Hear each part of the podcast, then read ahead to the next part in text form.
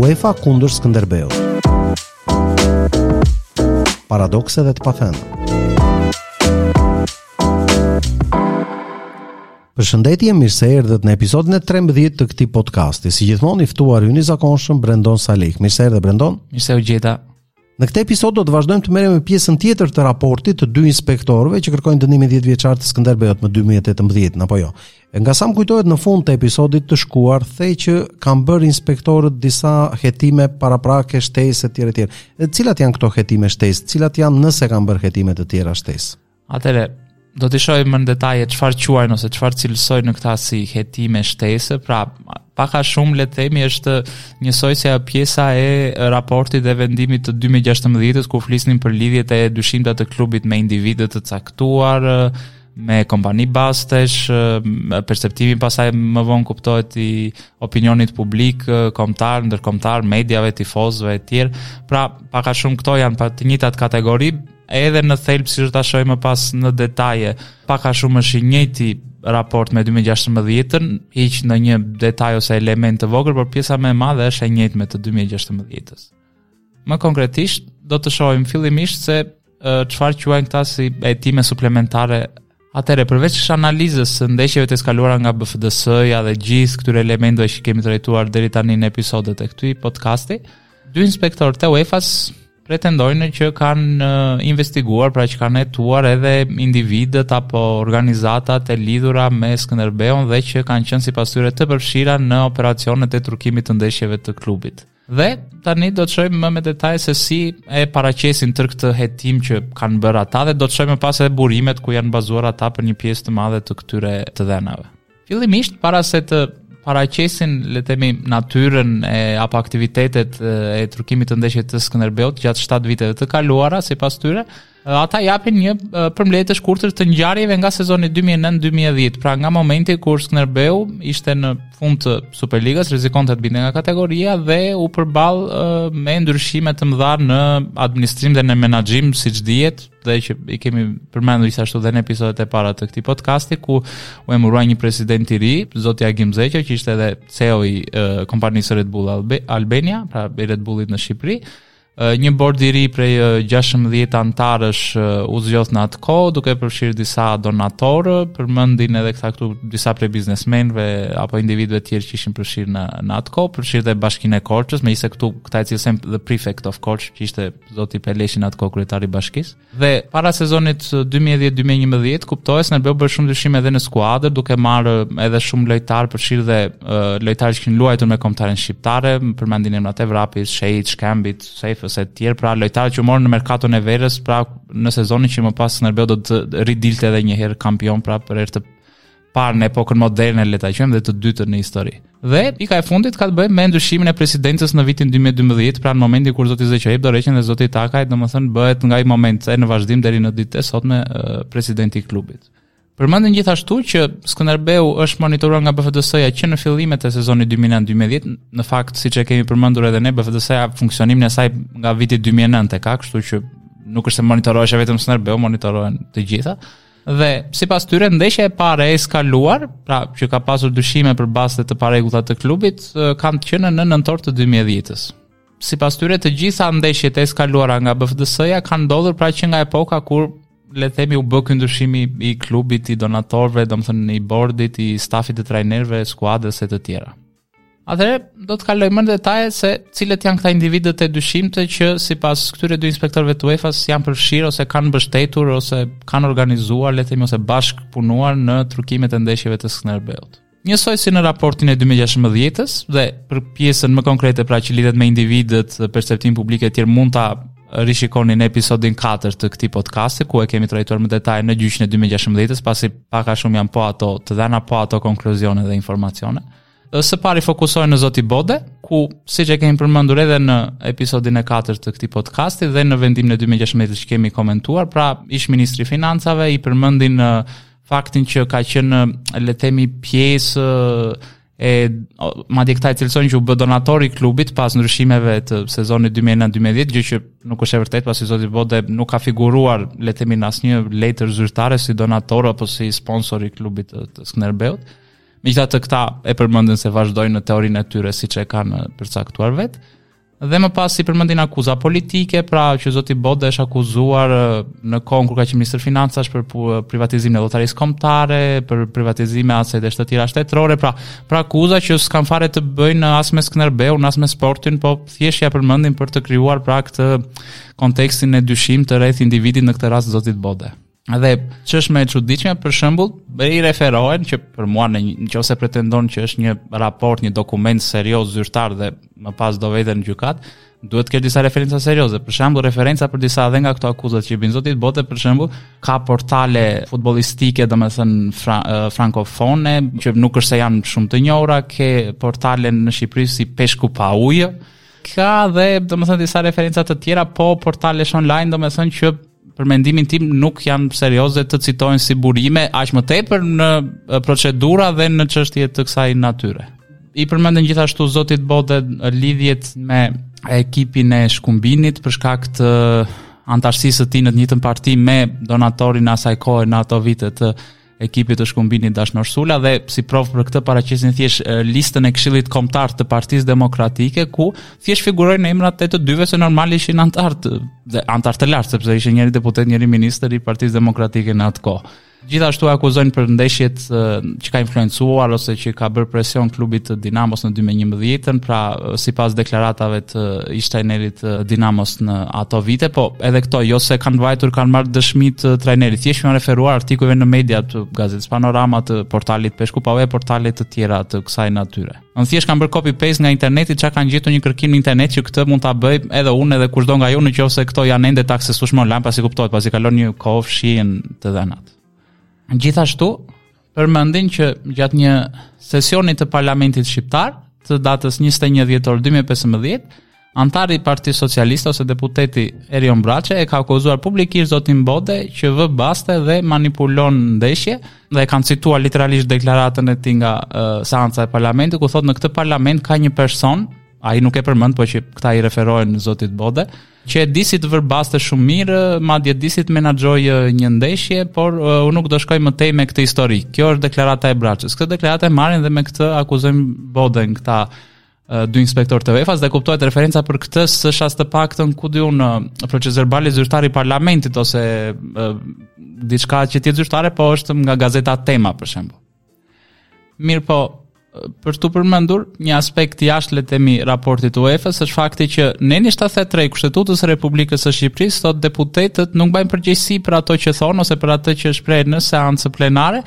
apo nuk mbajnë përgjegjësi për votimin e tyre kur janë momentet e ushtrimit të funksionit. Kuptohet këto nuk vlejnë vetëm në rastet e shpifjes le të themi, por për të tjerat kanë imunitet deputetët e prandaj lëshojnë ato perlat që kanë lëshuar tërë këto 30 vite në parlamentin shqiptar. Tani duke e ditur dhe këtë referencë ligjore që është gjëja më minimale, si mundet që thjesht me akuza mediatike, politike, duke përfshirë dhe këtë nenin që sapo citova, që thotë që deputetët s'mbajnë përgjegjësi për ato që thonë se mund të thonë gjëra nga më çfarë na kanë dëgjuar veshët në Shqipëri. Tani si duke u bazuar thjesht mbi këto, akuzon edhe zotin Bode individualisht si individ, po e akuzon dhe si të lidhur me Skënderbeun dhe akuzon dhe për këto gjëra të tjera, pa pasur asnjë fakt, asnjë provë konkrete. Pasi mbarojnë pjesën me zotin Bode, pra ku konkludojnë që kishte influencën e mjaftueshme dhe njohuritë për të ndikuar në rezultatet e ndeshjeve të Skënderbeut dhe gjithë këto elemente të tjerë që përmendëm deri tani, kalojnë në marrëdhëniet e ish presidentit Zeqo me presidentin aktual Takaj dhe sipas investigimit që kanë kryer kanë qenë le të themi të lidhur nëpërmjet individëve të tjerë të tretë nëpërmjet kompanive të biznesit të ndryshme përfshirë dhe lidhje që i supozojnë me kompani bastesh. Dhe do të shohim tani se çfarë përmendin këta në aspektet e lidhjes sipas tyre midis zotit Zeqo dhe zotit Takaj. Së pari përmendin faktin që zoti Takaj zyrtarisht ishte pasardhësi i zotit Zeqo si president i Skënderbeut që nga viti 2012, por dhe më parë kishte qenë pjesë e bord donatorëve dhe zëvendëspresident dhe më pas përmendin faktin që zoti Zeqo pavarësisht dorëheqjes së tij vazhdoi, shërbeu si zëvendëspresident ose si anëtar i bordit edhe në vazhdim edhe pas vitit 2012 dhe sipas tyre, duke qenë se ka qenë pjesë le të themi e bordit drejtues të Skënderbeut, kuptohet edhe ai ka pasur të paktën thonë dijeni për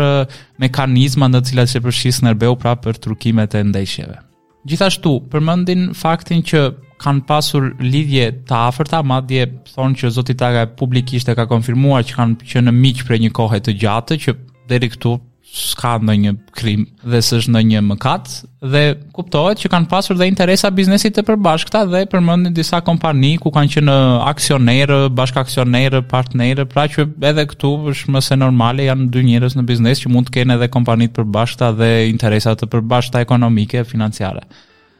Ndërkohë, më pas kalojnë në në pjesën le të themi ku akuzohet për ndeshjet miqësore të klubit, kryesisht në vitet 2013-2014, ku për shembull në janar të 2013-s akuzohet Skënderbeu për ndeshjet miqësore që luajti gjatë fazës përgatitore në Portugali. Ë Dhe përmendin ndeshjet për shembull me Silkeborgun, ndeshjen me Matersburgun, pra ka dhe të tjera, po që janë pjesë e asaj listës së famshme të ndeshjeve të BFDS-së. Thjesht këtu rikujtojnë edhe një konkluzion le të themi përse ishin të dyshimta ato ndeshje dhe përmendin gjithashtu dhe fazën e pasi sezoni në verë të 2013-ës kur Skënderbeu shkon në Austri pra për të kryer fazën përgatitore dhe përmendin për shembull ndeshjen me Energie Cottbusin kur Skënderbeu ka humbur 0-4 e të tjera pra dhe thonë që gjatë këtyre dy fazave përgatitore në veçanti pra në këto 5-6 ndeshje miqësore që kishin përzgjedhur këta në total e që janë pjesë e listës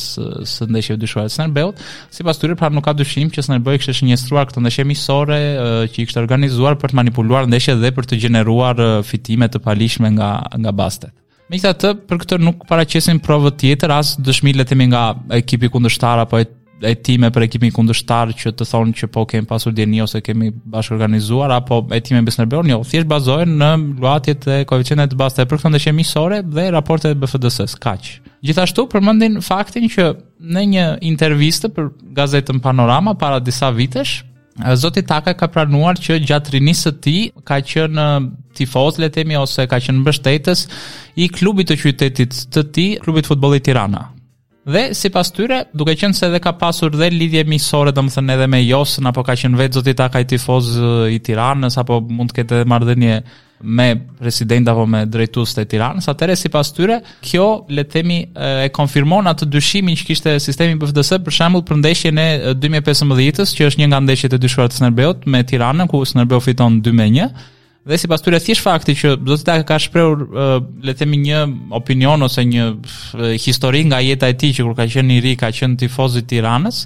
Dhe thjesht duke u bazuar nga kjo apo nga marrëdhëniet e mira që mund të kishte pasur ai me drejtues të klubit Tirana, atëherë nisur nga kjo sipas tyre është e mjaftueshme që të konfirmojë ato dyshimet e BFDS-së që Skënderbeu e kishte trukuar atë ndeshjen me Tiranën. Më pas kalojnë në marrëdhënien midis zotit Takaj dhe ish-trajnerit të Skënderbeut, Mirel Josa. Edhe këtu sipas tyre, lidhja personale, pra miqësore, përtej profesionales, le të themi, përtej futbollit që ka pasur zoti Josa me zotin Takaj, kuptohet gjithë kjo lidhje që ka qenë që nga rinia, ka influencuar sipas tyre më pas edhe në drejtimin e Skënderbeut nga zoti Josa dhe pastaj edhe në influencimin në trukimin apo në tentativat për trukimin e ndeshjeve.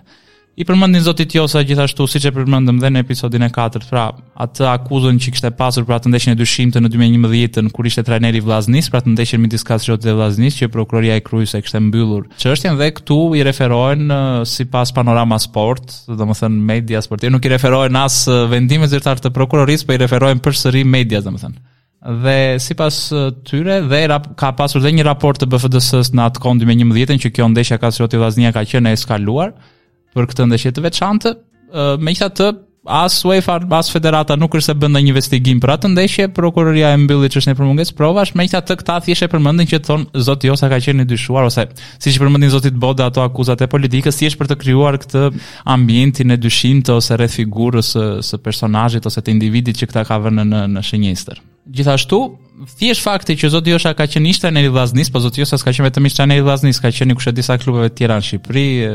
e jo vetëm ai, po dhe si shumica e trajnerëve dhe lojtarëve në Shqipëri që kanë shëtitur në të gjitha klubet. Dhe thjesht nga fakti që kanë qenë ish te Vllaznia, siç akuzonin zotin Takaj për ndeshjen me Tiranën, thjesht se ka qenë tifoz kur ka qenë i ri, edhe zotin Josa e akuzojnë për faktin që ndeshjen 24 gushtit 2012 kur Skënderbeu fiton 1-3 me Vllaznin në në, në Shkodër, se e mbaj mend sepse ka qenë ndeshja e parë e sezonit dhe ka qenë debutimi i zotit Josa në pankinën e Skënderbeut, qe momenti kur u ndryshua dhe presidenca me zotin Takaj dhe zotin Zeqo, dhe sipas tyre thjesht fakti që BFDS e ka eskaluar këtë ndeshje dhe zoti Josa ka qenë ish i Vllaznisë, Atëherë mjafton për të konkluduar sipas tyre që kjo ka qenë e dyshimtë që mund të jetë manipuluar për qëllime bastesh. Pra, edhe këtu shohim vetëm supozime, po zero prova. Gjithashtu, zoti Josa sipas tyre, një element tjetër shumë i çuditshëm, ka qenë shënjestër e kritikave për trukimet e ndeshjeve të Skënderbeut nga tifozët. Pra, sipas tyre, tifozët janë qarë ose janë ankuar, pra po flas për tifozët e Skënderbeut, domethënë, kanë hyrë edhe kanë analizuar edhe qëndrimet publike në Facebook apo në rrjete të tjera sociale të tifozëve të Skënderbeut, dhe për shembull kanë marrë ndeshjen miqësore me Silkeborgun, pra thonë që tifozët e Skënderbeut qahen për uh, vendime taktike ose për vendosje në fushë të skuadrës nga ana e zotit Josa, që ka sjellë efekte negative, pra rezultate negative për skuadrën. dhe në ndeshjen ndaj Silkeborgut bëri tetë ndryshime në pjesën e dytë, që është më se normale. Në një ndeshje miqësore, trajnerët do provojnë skuadrën, mund të bëjnë jo tetë, po ka trajnerë që ndrojnë edhe gati gjithë skuadrën, të 11 lojtarët nga një pjesë në tjetrën ose gjatë ndeshjes miqësore. Sipas tyre thjesht momenti që nga pjesa e parë kur po udhiqte 2 me 1 Skënderbeu dhe pastaj kur u ndruan le të themi lojtarët më pas Skënderbeu e humbi ndeshjen me Silkeborgun me rezultatin 2 me 4, Atëherë sipas tyre, personat që kanë pasur dijeni mbi këtë tentativë të Skënderbeut kanë përfituar nga kjo tentativë trukimi. Pra, thjesht bazuar në faktin që u ndruan lojtarët në midis pushimit të dy pjesëve në një ndeshje miqësore dhe në kritikat e tifozëve të Skënderbeut. Gjithashtu, Skënderbeut ose më saktë tifozët e Skënderbeut në disa rrjete sociale kanë akuzuar drejtuesit e tyre që e kanë manipuluar këtë ndeshje. Pra, nuk merren thjesht me akuzat e tifozëve të Skënderbeut apo kritikat, se mund të jenë në një pjesë kanë qenë kritika sportive le të themi për ndeshjen apo për drejtimin e zotit Josa në përgjithësi, po merren dhe me akuzat që tifozët i kanë bërë drejtuesve të klubit në Facebook, në faqen e klubit apo dhe në rrjetet e tjera sociale. Sipas tyre tifozët e Skënderbeut e kanë akuzuar klubin që e lejoi me qëllim Silkeborgun të shënojë në pjesën e dytë, dhe duke parë le të themi impaktin domethënës që zëvendësimet e bëra nga zoti Josa në pjesën e dytë të ndeshjes patën në rezultatin përfundimtar, atëherë sipas tyre të paktën ai ka pasur dijeni që ndeshja ka qenë e rregulluar paraprakisht, pra që ka qenë e vendosur që Skënderbeu do ta do ta humbiste të paktën me dy gola apo që do ta trukonte këtë këtë ndeshje.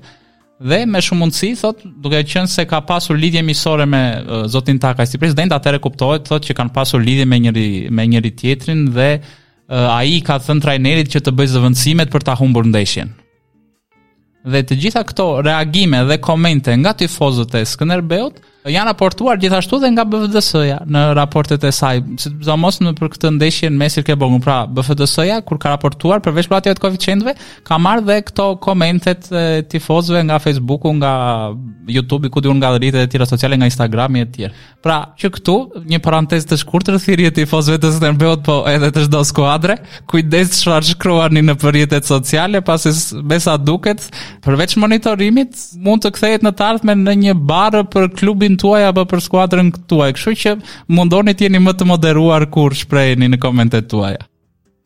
Dhe para se ta përmbyllim këtë pjesën ku akuzohet le të themi pjesa e marrëdhënieve të drejtuesve në këtë rast Zoti Takaj me Zotin Josa si trajner, përmendin gjithashtu edhe një ish trajner tjetër të Skënderbeut që është përfshirë në këtë historinë e ndeshjeve të dyshimta. Dhe më konkretisht do të flasim për Zotin Shkëlqim Muça, i cili sipas këtyre dy inspektorëve të UEFA-s në këtë raport, gjë që nuk është përmendur shpesh në media ose për të mos thënë që nuk është përmendur fare,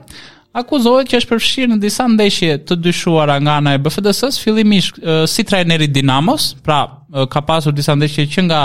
periudha le të themi kur ka qenë trajner i Dinamos dhe e thonë kundër Tiranës, kundër Laçit e tjerë, pra i përmendin disa ndeshje dhe më pas thonë që ka pasur edhe disa ndeshje të dyshimta në periudhën kur ka qenë trajneri i Skënderbeut, kryesisht ato ndeshje të dyshimta me Dinamon. Pra, kur zoti Muça ishte te Skënderbeu dhe Skënderbeu luante kundër Dinamos. Pra, siç e shohim nuk mjaftojnë vetëm me Josën, po përmendin edhe rastet e dyshimta kur ka qenë i përfshirë. Edhe para se të vinte në Skënderbeu, po edhe kur ishte trajneri i Skënderbeut, zoti Muça. Nuk është se e akuzojnë drejt për drejt, po e përmendin që ka qenë pjesë e këtyre ndeshjeve të dyshimta. Gjithashtu, Pas mbarimit të kësaj pjesë le të themi të lidhjeve të trajnerit me presidentin apo të presidentit me ish presidentin apo me donatorët apo me zotin Bode, kalojmë në lidhja e presidentit me lojtarët e Skënderbeut. Sipas këtyre dy inspektorëve, Zoti Takaj e ka raportuar ose e ka pranuar në intervista publike që portierin Orges Shehi e ka njohur që kur ishte 14 vjeç, pra e ka njohur që në fëmijërinë ose rininë e tij mund të themi kështu. Dhe sipas tyre, Orges Shehi është lojtari më i besuar i presidentit pasi uh, harxhon ose kalon shumë kohë me te. Ok, po deri këtu, s'ka ndonjë krim se unë zgjedh vetë me kë rri e kë kam mik dhe s'është ndonjë krim me kë kaloj unë më shumë kohë apo me më pak kohë. Qoftë kjo edhe marrëdhënia lojtar president. Megjithatë, duke u bazuar meqenëse në disa raporte të BFDS-së, portieri Orges Shehi pra është përfshirë në disa nga këto ndeshje të dyshimta me disa veprime apo mosveprime të tij, siç e pamë edhe në raportin teknik në episodin e kaluar që kishin bërë trajnerët e zgjedhur nga UEFA. Gjithashtu përmendin edhe faktin që mbrojtësi Renato Arapi ka qenë gjithashtu në rininë e tij një lojtar i FC Tropikal U-17, pra që ka qenë një ekip privat që ka patur zoti Takaj shumë vite më parë dhe sipas tyre Arapi ka luajtur në rininë e tij për këtë ekip, pra kur ka qenë adoleshent, dhe fakti që Arapi gjithashtu luan me Skënderbeun dhe është përmendur në disa ndeshje të dyshimta të sezonit pra 2015-16 siç ishin ato me Crusaders që morën analizë dhe nga trajnerët e UEFA-s. Këto mjaftojnë pra sipas tyre për të konfirmuar pra që fakti që Shehi, Arapi kanë pasur lidhje le të themi përtej futbollit, po që sipas tyre pra kjo miqësi që kanë pasur jashtë futbollit kanë ndikuar edhe në këtë aspektin e trukimit të ndeshjeve sipas tyre. Përmendën gjithashtu që zoti Takaj e ka njohur ish-kapitenin dhe lojtarin e Skënderbeut Bledi Shkëmbi që kur ka qenë 10 vjeç, pra sipas tyre kanë një lidhje të afërt, madje familjare e cilësojnë, nuk e di sa është e vërtetë, po kështu e cilësojnë këta. Dhe sipas tyre, ka qenë ideja e Shkëmbit që Takaj të bëhej një donator në Skënderbeu pra në momentin në 2009-2010 kur ndodhën ndryshimet në drejtimin e, e Skënderbeut mirëpo duhet përmendur që në ato momente Shkëmbi nuk po luante në Skënderbeu luante tek Besa e Kavajës ishte larguar nga Skënderbeu sipas tyre zoti Shkëmbi pëlqen faqen e Facebookut parashikime të sigurta ndeshjesh uh, sure match predictions Dhe ai ka lidhje të ngushta gjithashtu me Ilir Vrenozin, një punonjës të kompanisë së basteve Baste Live, që do ta shpjegojmë më pas dhe që do ta shohim më pas edhe më në detaje. Pra, thjesht Shkëmbin le të themi në këtë rast e akuzojnë që ka pasur lidhje të vogla ose familjare që nga vegjëlia me zotin Takaj, ky e ka sponsorizuar ose ka dhënë idenë që zoti Takaj të përfshihet në futboll pranë Skënderbeut. në kohën kur vetë Shkëmbi s'ishte pjesë e Skënderbeut dhe akuzojnë që pëlqen atë faqen e Facebookut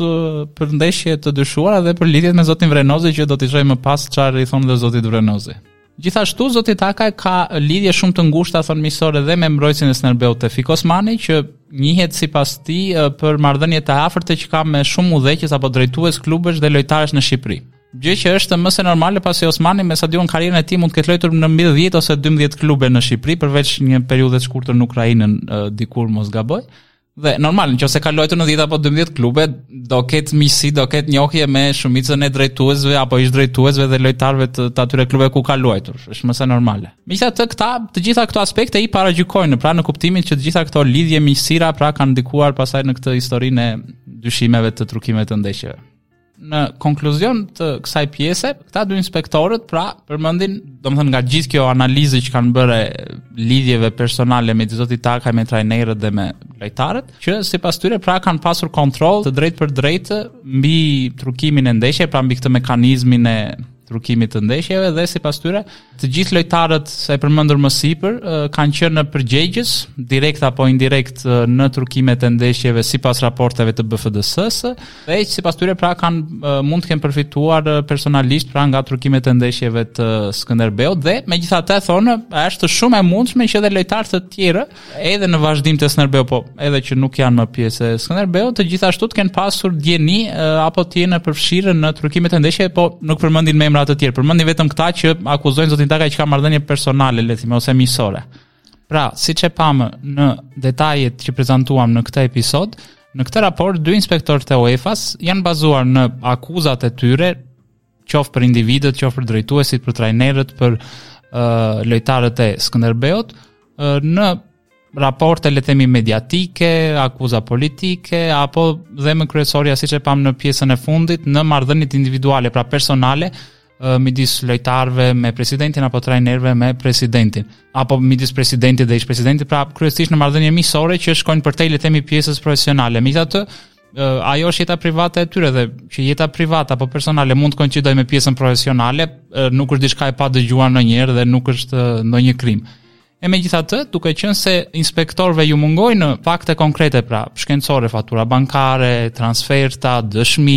pra që të mund t'i akuzonin individualisht secilin nga këta lojtarë për cilën ndeshje kishte kryer shkelje apo presidentin, le të themi që ka hedhur këtë shumë, ka fituar këtë shumë nga bastet për këtë ndeshje, pra një provë logjike shkencore, duke qenë se iu mungojnë këto dhe nuk mund t'i dënojnë individualisht secilin, atëherë krijojnë gjithë këtë historinë që pamë deri tani, dhe që do ta shohim më pas dhe në detaje si do të vijojë, për të dhënë një dënim kolektiv le të themi te klubi, duke qenë se për të dënuar individ, individët konkretë, iu duhen prova që ata nuk i kanë. Pra ky ishte materiali i këtij episodi. Në episodin e ardhshëm Brendon me se do të merremi? Në episodin e ardhshëm do të vazhdojmë me pjesën tjetër të raportit ku fokusohen le të themi marrëdhëniet e klubit me kompanitë e basteve, kryesisht ato kompani që kanë qenë sponsor të klubit, por jo vetëm, pra që dyshohet në marrëdhëniet midis klubit dhe këtyre kompanive dhe individëve që mund të kenë shërbyer le të themi si ndërlidhës apo ndërmjetës midis klubit dhe këtyre kompanive, siç është rasti i zotit Vrenozi që aludohet dhe do ta prezantojmë më në detaje episodin e ardhshëm.